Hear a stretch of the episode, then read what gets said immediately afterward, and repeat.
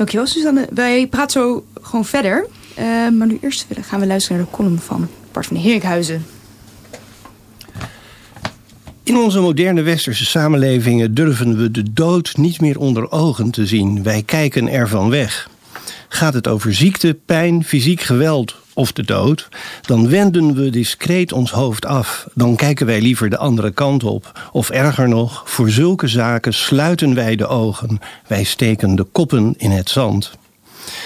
Dat lees je regelmatig in de krant en soms ook in serieuze wetenschappelijke artikelen van sociologen of psychologen. Het is de vraag of die metaforen van wegkijken, de blik afwenden, de ogen ervoor sluiten wel kloppen. Maar als je ze letterlijk neemt, dan weten we nu dat ze onwaar zijn. En wel dankzij de onderzoeken van Suzanne Oosterwijk.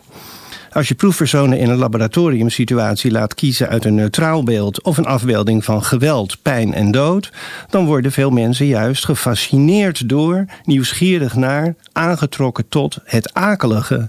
Ze wenden de blik niet af, integendeel, ze kunnen hun ogen er niet van afhouden. En zo gaat het niet alleen maar in de onderzoeksruimte van Suzanne. Mensen die in een auto zitten en langs een ongeluk rijden, verkreukelde autovrakken, dode lichamen, ambulances, politieagenten, draaien hun nek zo ver om dat ze vaak zelf een nieuw auto-ongeluk veroorzaken. Ik las dat in de Verenigde Staten ongeveer 16% van de auto-ongelukken wordt veroorzaakt door wat ze daar noemen rubbernecking, gevaarlijk ver omkijken naar een ongeluk. De politie weet dat en zet snel een hoge schutting om de ellende heen, opdat er geen nieuwe ongelukken gebeuren. Nothing to see here, folks. Dat mensen aangetrokken worden door dingen die zo vreselijk zijn dat ze ze niet graag zelf zouden meemaken, werd al onderkend door de filosoof Aristoteles, die in zijn Poetica schrijft. We genieten van de aanblik van heel gedetailleerde voorstellingen van dingen die ons pijnlijk zouden raken als we ze in de werkelijkheid zouden aantreffen, zoals bijvoorbeeld weerzinwekkende dieren of de lichamen van dode mensen. Een geleerde 16e-eeuwse schrijver als Montaigne begon zijn betoog graag met een citaat van Aristoteles, dat dan werd gevolgd door een niet minder deftig citaat van de grote kerkvader Augustinus, Aurelius Augustinus. Vandaag volg ik zijn voorbeeld. In zijn belijdenissen, een openhartig verslag van zijn eigen leven, vertelt Augustinus dat hij, toen hij in Carthago woonde, graag naar het theater ging en dat toneelstukken hem enorm konden meeslepen. Ze waren, zo schrijft hij, gevuld met de weergaven van zijn eigen ongeluk en ze vormden de brandstof voor mijn innerlijke vuur. En dan komen de volgende zinnen.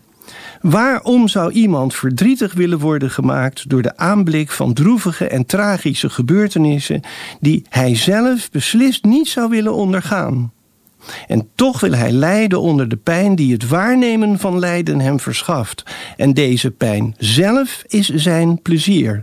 Wat is dit anders dan miserabele krankzinnigheid? Er staat in het Latijn quid est nisi miserabilis insania. Dus zo heb ik het dan maar vertaald. Miserabele gekte. Augustinus en Aristoteles worden besproken in een artikel van de socioloog Norbert Elias, dat ik Suzanne Oosterwijk en haar medeonderzoekers warm aanbeveel: The Quest for Excitement in Leisure. Dat stuk is gebaseerd op een lezing uit 1967 getiteld The Quest for Excitement in Unexciting Societies. Uit die oorspronkelijke titel blijkt al meteen welke sociologische kant Elias op wilde. Hoe saaier in een bepaalde maatschappij het sociale leven is, des te naarstiger gaan mensen op zoek naar namaakellende, mimetisch geweld, surrogaatopwinding, nagebootst lijden en sterven. Wat Aristoteles, Augustinus en Norbert Elias beschrijven is morbid curiosity. Die morbide nieuwsgierigheid lijkt het tegendeel van hedonisme. De hedonist zoekt wat lust verschaft en vlucht weg van wat pijn oplevert. Maar hier zoeken mensen uitgerekend datgene wat ze onaangenaam treft. Dat lijkt contra-intuïtief. Hoe akeliger ze geraakt worden, des te meer plezier ervaren ze. Is de mens dan ten diepste een masochist? Tonen de onderzoeken van Suzanne Oosterwijk aan dat in elk van ons een verborgen doodsdrift schuilt. Thanatos een permanent onderdrukt verlangen naar pijn, lijden en uiteindelijk de dood. Las ik deze column in de jaren twintig voor, dan zou ik dat misschien hebben beweerd, want zulke theorieën waren toen populair. Tegenwoordig zijn andere theorieën in de mode, zoals het evolutionisme. Daarmee kun je het verschijnsel verklaren. Twee mannen lopen door de jungle. De ene wordt door een tijger aangevallen en opgepeuzeld, de ander vlucht de bosjes in.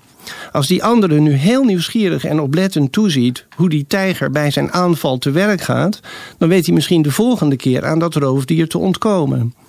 En als hij meteen in paniek wegholt, dan heeft hij niets geleerd en neemt de tijger ook hem te pakken. Misschien zelfs wel voordat hij voor nageslacht heeft gezorgd. Nieuwsgierige oplettendheid, zelfs bij de aanblik van iets afgrijzelijks, levert dus evolutionair voordeel op. En daarom kijken we nog steeds graag naar natuurdocumentaires waarin een leeuw een antilope opvreet. Er zijn ook andere verklaringen voor morbide nieuwsgierigheid, zoals dat medelijden een aangenaam zelfgevoel oplevert. Wie ernstig ziek is, wordt, als hij een goed netwerk heeft, omgeven door mensen die veel medelijden tonen. Maar bij sommige omstanders lijkt er een soort gretigheid mee te spelen, een vleugje ramptoerisme. Wie een scherp afgestelde sensor heeft voor dat zelfzuchtige randje van het medelijden, laat zich moeilijker troosten dan iemand die gezegend is met minder achterdocht. Mijn eigen verklaring voor morbid curiosity berust op een idee van Schopenhauer waar ik bijna elke dag wel even aan moet denken. Het gaat om een belangrijk inzicht waarmee je kunt verklaren waarom mensen altijd en overal ongelukkig zijn en dat ook altijd zullen blijven. Volgens Schopenhauer komt dat door een fundament. Dat is helemaal niet leuk, jongens. Dat is een tamelijk verschrikkelijk ding wat ik hier zeg. Volgens Schopenhauer komt dat door een fundamentele asymmetrie tussen geluk en ongeluk. Wij mensen zijn akelig goed in staat om pijn te registreren, maar we missen een zintuig om de afwezigheid van pijn waar te nemen. Pijn doet ons lijden en als het veel pijn is, dan lijden we verschrikkelijk. De absentie van pijn daarentegen merken we helemaal niet op. Al zou je het willen, je kunt niet de hele dag door alsmaar denken: Oh, wat ben ik toch blij dat mijn rechtervoet helemaal geen pijn doet. Dat mijn hart niet overslaat. Dat mijn zoon geen kanker heeft. Dat mijn vrouw geen Alzheimer heeft. Dat mijn broer niet blind is. En dat ons huis ook vorige week weer niet is afgebrand. En toch bestaat er een manier om de ijzeren wet van Schopenhauer zo nu en dan een beetje te omzeilen. Er is een moment waarop we ons plotseling met felle heftigheid realiseren dat wij zelf en onze kinderen niet, nog niet, in de klauwen van de dood terecht zijn gekomen.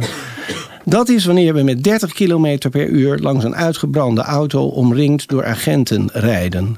Dat is wanneer een meisje van 20, Floor van Liemt, in de weekendbijlage van de Volkskrant bloedstollend mooie stukjes schrijft over haar leven met longkanker. Op zo'n moment denken we heel even datgene wat we volgens Schopenhauer niet kunnen denken, namelijk ik niet, goddank, mijn dochter niet, mijn vrouw niet, mijn zusje niet, nog niet, nu nog even niet. Jusqu'ici, tout va bien. Ik denk dat dat erachter zit. Morbide nieuwsgierigheid is een manier om je zegeningen te tellen. Ter afsluiting lees ik nog een kort gedichtje voor van Esther Naomi Perquin, dat precies hierover gaat. Dat gedicht heet Voor en het komt uit haar bundel Lange Armen. Hoe meet je de zwaarte van een klap die nooit kwam? Zoek je de fiets waar niets mee is, die er nog staat? De brand in een leegstaand schoolgebouw, nooit uitgebroken, laat geen sporen na. Hier is de eindeloze lijst van dingen die niet zijn gebeurd. Hier is de nooit betaalde prijs voor toeval, dronkenschap, loslippigheid. Hier is het dodelijke ongeluk, de schade die je nooit veroorzaakt hebt. Hier klinkt de niet geslaakte kreet van twee uit bed gebelde ouders. De stad zwermt van ongehoord geluid. Je luistert s'nachts naar de zachte voetstap van de dochter die onaangetast de trap opsluipt. Prachtig, Bart. Een hele mooie column. Echt heel mooi. Suzanne, wat, uh, wat, wat, vond je hiervan? Ja, ik vond het echt, uh, ja, nee, ik vond het echt uh, heel indrukwekkend. Wat vond, je van de, sorry, wat vond je van de verklaring? Ja, nee, ik, ik, ehm, ik, het is er één die ik. eh, eh, ja, de, het idee dat je dus eh, negatieve dingen eh, bekijkt. omdat je daarmee een soort van gevoel hebt van. Oh, dan, dan, ja, het is, ik ben het niet. Ik niet, ja. Ehm, ja, ik denk dat het een interessante vraag is om, om te onderzoeken. Ik denk dat dat. Ik kan daar. Ja, ik denk dat het een interessante motivatie is. Eh, ik weet niet eh, in hoeverre die echt. eh, ja, empirisch gezien aan te tonen is. Hoe je dat zou moeten En ook operationaliseren. hoe ga je dat operationaliseren? Ja, ja, ja. Maar het is zeker iets om, om in overweging te nemen. En ik denk ook dat. Kijk, dat gaat heel erg over een soort van misschien een soort van gevoel van opluchting. Misschien. Mhm. Ehm, maar ik denk ook dat. dat mijn insteek gaat vooral over de informatieve waarde. En ik denk dat dat hier ook wel eh, tegenaan eh, ligt. Ja, ja Eh, niet zozeer dat je misschien opgelucht bent dat jij het niet bent, maar meer dat, je, dat het soms ja, informatief kan zijn om je te oriënteren op alle dingen die er mogelijk wel mis kunnen gaan in het leven. Ja, als je, naar die, als je die, die, eh, die twee mannen met die leeuw. Je zou kunnen Ja. zeggen: hetzelfde is het geval met een auto-ongeluk. Door naar een auto-ongeluk te kijken of er in de krant over te lezen. denk je na over wat je niet moet doen in een auto. Ja. als je dit wil voorkomen. Ja, ja.